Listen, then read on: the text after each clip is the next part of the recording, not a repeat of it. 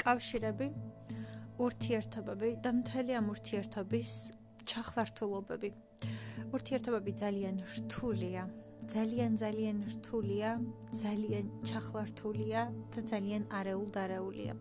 ვერ გავიგებთ, როდის რომელი ურთიერთობა როგორ განვითარდება, როგორ აეწყობა, როგორ წავა ყველაფერი და მაშინ, როდესაც ყველაფერი კარგად არის და როცა ყველაფერი იდეალურად არის, მაშინ ვერც კი ვიფიქრებთ, რომ შეიძლება რაღაც ან გაფუჭდეს, ან ცუდად წავიდეს, ან ცუდად განვითარდეს, თუმცა ხანდახან ასეთი ისტორიებიც ხდება და ხანდახან არის შემთხვევები, როდესაც ყველაფერი ძალიან ცუდად მიდის და როდესაც ყველაფერი აირევა და აირევა და ყველაფერი გაფუჭდება. თუმცა ეს არავიზე არ არის დამოკიდებული, უბრალოდ ორ ადამიანზე ყოველთვის არის დამოკიდებული და მათ არჩევანზე ამ ურთიერთობაში, მაგრამ არჩევანს ჩვენ თავად ვაკეთებთ. როგორ განვითარდებით და როგორ განვავითარებთ საკუთარ ურთიერთობას, ამ არჩევანსაც ჩვენ ვაკეთებთ. ხანდახან არჩევანი ძალიან ძალიან არანათელია და ჩვენ თავადაც არ ვიცით რომ ეს არჩევანი გავაკეთეთ, მაგრამ ნებისმიერი მიღებული გადაწყვეტილებით გარკვეულ გადაწყვეტილებას ვიღებთ სხვა რაღაცებსაც. მაგალითად თუ ჩვენ გადავწყვეტეთ რომ ეს გვაინტერესებს. ამით დავინტერესდით, ეს ყველაფერი გვინდა. ამით ვართ დაინტერესებულები და ეს ყველაფერი მოგწონს და ასე უნდა განვითარდეთ. ამ განვითარებამ შეიძლება ასევე ძალიან დიდი ზეგავლენა მოახდინოს ჩვენს ურთიერთობაზე, რომელშიც ვიმყოფებით და ურთიერთობაზე, რომელშიც ვართ, იმიტომ რომ ამ კონკრეტულმა განვითარებამ წაშალოს ბევრი საერთო იმ ურთიერთობაში, რომელშიც აქამდე ვიმყოფებოდით. აა და განსაზღვროს განაპირობოს ძალიან ბევრი და უამრავი რამ.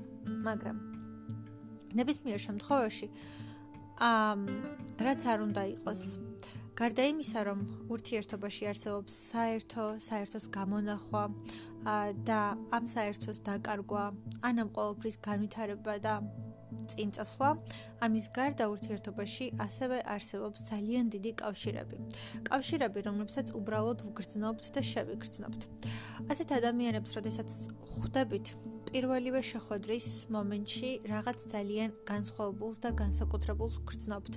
ისეც, რაც აქამდე არ ყოფილა, რაც აქამდე არ გვიგრძნია და რაც აქამდე უბრალოდ არასოდეს გამოგვიცდია და ეს არის პირველი შემთხვევა, როდესაც ამ ყოველფერს წავაწყდით. ისიც ფაქტია, რომ კავშირები შეიძლება გქონდეს არაერთ ადამიანთან, არამედ რამდენიმესთან ცხოვრების მანძილზე. თუმცა რა თქმა უნდა, ეს ძალიან ხშირი და გავრცელებული არ არის, ან ვერ იქნება და შეიძლება იყოს მაგალითად ხუთი შემთხვევა, ან ორი შემთხვევა.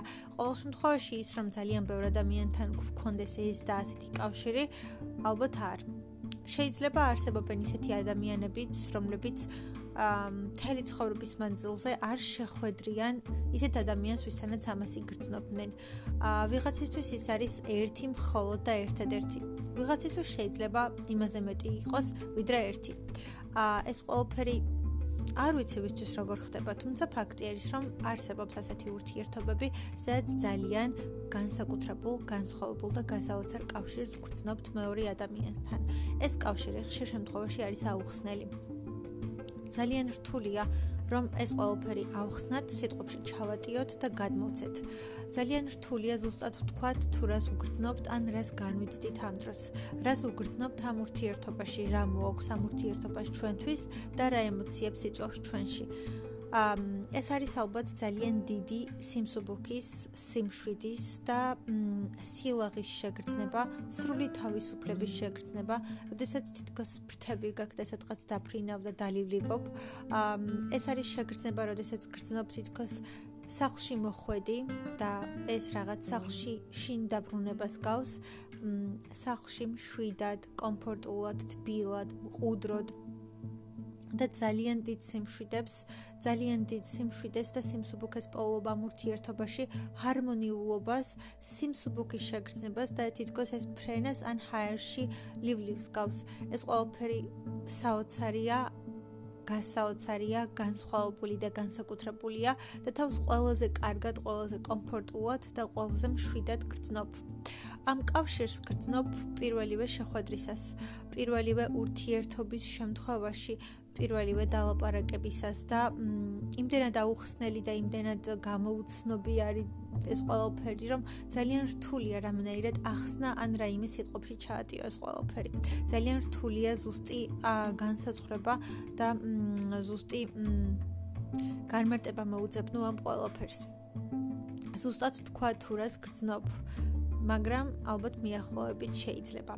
აა თუმცა ძალიან უცნაურია ის, რომ შეიძლება შენ გარშემო იყვნენ ადამიანები, რომელთანაც გაქვს წლების ურთიერთობა, ძალიან ბევრი წლის ურთიერთობა და მათთან ეს ყველაფერი არასოდეს არ ყოფილა, არასოდეს არ გიგრძნია ასეთი განსაკუთრებულობა, განსხვავებულობა, გასაოცარი ემოციები, ასეთი შეგრძნებები შენ ცხოვრებაში არასოდეს არ ყოფილა და ადამიანი, რომელსაც პირველად ხვდები, ან რომელთანაც სულ ახალი დაწყებული გაქურთიერთობა, ამ ყველაფერს გრძნობ და ეს კიდევ უფრო გასაოცარია და გაქვს შეგრძნება. თითქოს ამ ადამიანს შენ მთელი ცხოვრება იცნობდი და თითქოს ამ ადამიანთან მთელი ცხოვრება გაქვს გატარებული. თითქოს ყველაფერი იცი მასზე და ასევე მან ყველაფერი იცი შენზე. თითქოს მთელი ცხოვრება ერთად გაატარეთ და არც ერთი მომენტი არ გამოგიტოვებიათ ერთმანეთის ცხოვრებაში. ეს ყველაფერი ძალიან განსაკუთრებული და გასაოცარია ძალიან დიდი სიხარულის, ბედნიერების, სიმშვიდის, სიმსუბუქის და ჰარმონიულობის შეგრძნება მოაქვს. ეს არის ალბათ საოცარი კომფორტი, საოცარი სიმშვიდე და სიმყუდროვის შეგრძნება, როდესაც მართლაც გრძნობ, რომ აა შინ ხარ, სახლში ხარ, იქ ხარ, სადაც უნდა იყო და რაც მთავარია, ყველაზე კარგად ხარ. აა ხანდახან ძალიან უცნაური ემოციებით არის ხოლმე სავსე ასეთი ურთიერთობები. ძალიან პრობლემატური იმ კუთხით, რომ ბევრი რამ ერთმანეთს თითქოს ეჯახება. აა შეიძლება იყოს უფრო მწვავე ემოციები, მწვავე გრძნობები. გაათასმაგებული ემოციები, აა იყოს ჩხუბებით, კონფლიქტებით, წყენებით, ყველაფერი უფრო ასმაგათ ვიდრე სხვა ურთიერთობებში, მაგრამ საბოლოო ჯამში იყოს ძალიან დიდი სიყვარული და ძალიან დიდი სითბო. თუმცა ისიც უნდა ითქვას, რომ ასეთი ურთიერთობების და ამ კავშირის გაწყვეტა ძალიან რთულია და თითქმის შეუძლებელი, თუ ეს მართლაც არსებობს, თუ ეს მართლაც არის. ორი ადამიანი გრძნობს საოცარ კავშირს, საოცარ კავშირს და საერთოს ერთმანეთთან ყველაფერი თითქოს ერთნაირად არის და თითქოს ერთ ერთნაირად მიმდინარეობს. აა საოცრად გრძნობენ ერთმანეთთან თავს და ყველაზე კარგად და ყველაზე მშვიდად. ხანდახან ცოტა დრამატულოდაც მიმდინარეობს ხოლმე ეს ყველაფერი, თუმცა გრძნობენ რომ ძალიან არიან ერთმანეთთან დაკავშირებულები და ძალიან განსხვავებულ და განსაკუთრებულ ემოციებს განიცდიან ერთად. ძალიან რთულია ამ ურთიერთობიდან გამოსვლა, ან ამ ურთიერთობის და ამ ემოციების და გრძნობების მეორე ადამიანისთვის თქმა და გადმოცემა თუ კონკრეტულად რას გრძნობ და რას განიცდი, რა ემოციები მოაქვს იმ ადამიანს შენთვის და რა გრძნობებს და რა ემოციებს იწვევს ის ადამიანი შენში. ეს ყველაფერი ძალიან რთული სათქმელი და ძალიან რთული გადმოსაცემია. აა ძალიან რთულია რომ ვინმე საუხსნა და ზუსტად ისე გააგებინო ეს ყველაფერი როგორც ჩვენ რეალურად გრძნობ და როგორც ჩვენ ამ ყველაფერს რეალურად განიცდი. აა ასეთი ურთიერთობები კი რეალურად არსებობს. და თუ ეს კავშირი მართლაც არის და მართლაც არსებობს ურთიერთობაში, ძალიან რთულია ამ კავშირის გაწყვეტა. როგორ როგორ შორსაც არ უნდა წახვიდე. როგორც არ უნდა ეცადო რომ ამ ყველაფრიდან გამოხვიდე, როგორც არ უნდა ეცადო რომ წლებით დაშორდი ამ ყველაფერს და როგორც არ უნდა ეცადო რომ რამენაირად შეწყვიტო ან გაწყვიტო.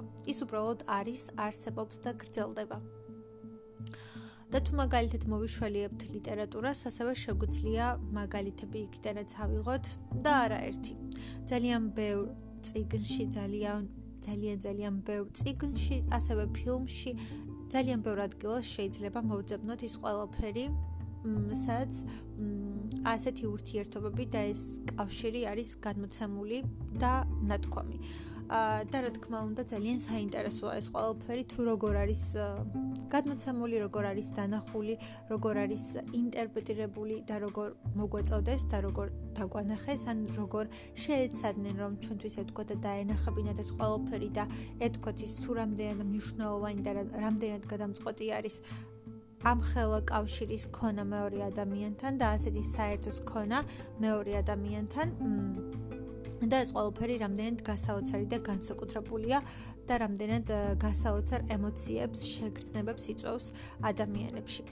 თუ ეს კავშირი ნამდვილად არსებობს, ის აუხსნელი, უთქმელი და გამოუცნობი კავშირი, რომლის სიტყვებში ჩატევა ძალიან რთულია, ესეთი კავშირი არასოდეს არ წყდება. ის ადამიანები უბრალოდ ერთმანეთს გრძნობენ და შეიგრძნობენ. და როგორც არ უნდა ვეცადოთ, დავმალოთ ჩვენი ემოციები, დავმალოთ ჩვენი გრძნობები. ასეთი ადამიანები ყოველთვის განიცდიან და გრძნობენ უთქმელად და უსიტყვოდ. მათ რაღაც სხვანაირი კავშირი გააჩნიათ და მაშინაც კი თუ ეს ადამიანები წლებით დაშორდებიან ერთმანეთს და მაშინაც კი თუ მათ წლების მანძილზე არ ექნებათ ერთმანეთთან არანაირი ურთიერთობა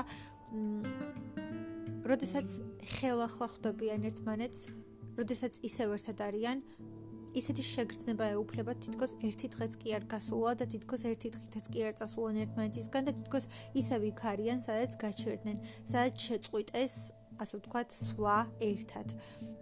და არანაირი შეგრძნება არ არის იმის, რომ წლები გავიდა, ან წლებით დაშორდნენ ერთმანეთს. რაც მთავარია, ეს კავშირი არანაირად არ წყდება. არ აქვს მნიშვნელობა, რამდენად დავშორდებით მანძილით ან დროით. ეს კავშირი მაინც რჩება და ისინი უსიტყვოდ გრძნობენ და უსიტყვოდ შეიგრძნობენ ერთმანეთს. და ეს ის მომენტია, რომელსაც ვერაფერს ვერ ვუზამთ და ვერაფერს ვერ გავუკეთებთ, იმიტომ რომ ამ ადამიანს უბრალოდ გრძნობთ. ეს ადამიანი უბრალოდ ჩვენია და ჩვენთვის ძალიან ძალიან საგრძნობია. და თუ მაგალითად ავიღებთ და მოვიშველიებთ მაგალითად ჯეინ იარს, როჩესტერი ეუბნება ჯეინს, რომ ისეთი შეგრძნება მაქვს თითქოს გულის ქვეშ რაღაც სიმი იყოს, რომელიც შენს გულთან არის დაკავშირებული და შენი გულის სიმთან არის დაკავშირებული და თუ შენ ჩემგან წახვალ, ეს გაწყდება და მის სისხლისგან დავიცრები და მოვკვდები. და შემდეგ მართლაც ჯენი მიდის და ტოვებს როჩესტერს და გადის წლები. აა და ჯენი არის შორს, თუმცა ერთ დღესაც მას ეს მისხმა ეს მისხმა თითქოს როჩესტერი ეძახის და ეს იწვევს იმას, რომ ის უკან ბრუნდება. რა თქმა უნდა, აქ ცოტა უფრო მხატვრულად არის გადმოცემული ეს ყველაფერი და რა თქმა უნდა, რეალურად ჯეინს ხმა კი არ გაუგია. ყოველ შემთხვევაში ესეც აღქმაზე არის დამოკიდებული ვიღაცამ შეიძლება პირდაპირ გაიგოს და მართლაც ისი გულისხმობს რომ ხმა გაიგო და შეიძლება მართლაც გაიგო მაგრამ ყოველ შემთხვევაში ჩემთვის ისე არის რომ ეს არის კავშირი უბრალოდ რაღაცა იგრძნო რაღაცა შეიგრძნო და მიუხედავად იმისა რომ წლებით იყო მასთან დაშორებული მასე არაფერი არ იცოდა. წლები ისე გავიდა რომ პირიქით თითქოს ეძებდა რომ ოღონდ რამე გაეგო, ოღონდ რა იმენაირად დაკავშირებოდა მას, ოღონდ რაღაცა ყოფილიყო ან საიდან რაღაც რაღაც გაეგო, მაგრამ რეალურად მასი არაფერი არ იცოდა, მაგრამ უბრალოდ გრძნობს იმ ადამიანს. მიუხედავად იმისა, რომ ძალიან დიდი დრო გავიდა, მიუხედავად იმისა, რომ წლები გავიდა, მიუხედავად იმისა, რომ დროის კუთხითაც მისგან დაშორებულია და ასევე ტერიტორიულად ასე მანძილით დაშორებულია და მასთან აღარანაირი კონტაქტი და კავშირი არ აქვს და არ უნახავს, არ დალაპარაკებია, მოკლედ არანაირი კავშირი არ აქვს მასთან. ეს კავშირი იმდენად მძლავრი და იმდენად ძლიერია, რომ მიუხედავად ყველაფრისა, უბრალოდ გრძნობს, უბრალოდ შეიგრძნობს ემოციურად, გრძნობებით, განცდებით და ის კავშირი, რაც მათ შორის არის, უბრალოდ არ წყდება. და ყველაზე გასაოცარი არის ალბათ ეს, რომ ასეთი კავშირები არასოდეს წყდება, როგორც არ უნდა ვეცადოთ, როგორც არ უნდა მოვინდომოთ მეორე ადამიანთან ამ კავშირს სამ საერთოს ვერაფრით ვერ წყვეტთ. ის რომ ჩვენ უბრალოდ წავალთ მაგალითად მისგან დაწყები მართლაც არ ვნახავთ და არ შევეხმიანებით და აღარ გვექნება ურთიერთობა ეს უფრო თავის დამშვიდება და უფრო ის რომ აი თითქოს მართლაც შეიცვლება რაღაც. რეალურად არაფერი არ იცვლება შენ უბრალოდ იმ ადამიანთან ხარ დაკავშირებული. მასთან გასაოცარი საერთო გაქვს რომელსაც ვერაფერს ვერ უშვები და არ აქვს მნიშვნელობა შენ რეალურად წახვალ დაშორდები, შორს ეცდები იყო თუ არა, ან რას ეცდები.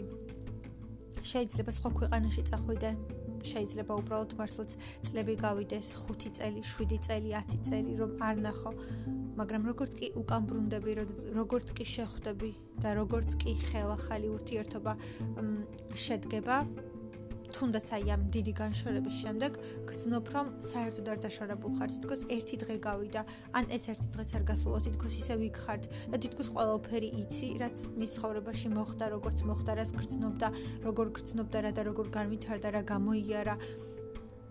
და გრძნობ რომ შენ ყველაზე მეტად და ყველაზე კარგად იცი რომ შენ ყველაზე მეტად და რომ შენ ყველაზე კარგად იცნობ და რომ შენ მართლაც ყველაფერი იცი მასზე და საერთოდ ყველაფერს გრძნობ, რასაც ის გრძნობს და განიცდის. და რომ ეს უბრალოდ საოცარი და გასაოცარი კავშირია და ეს არის ყველაზე განსაკუთრებული რამ, რაც კი შეიძლება რომ არსებობდეს. thank you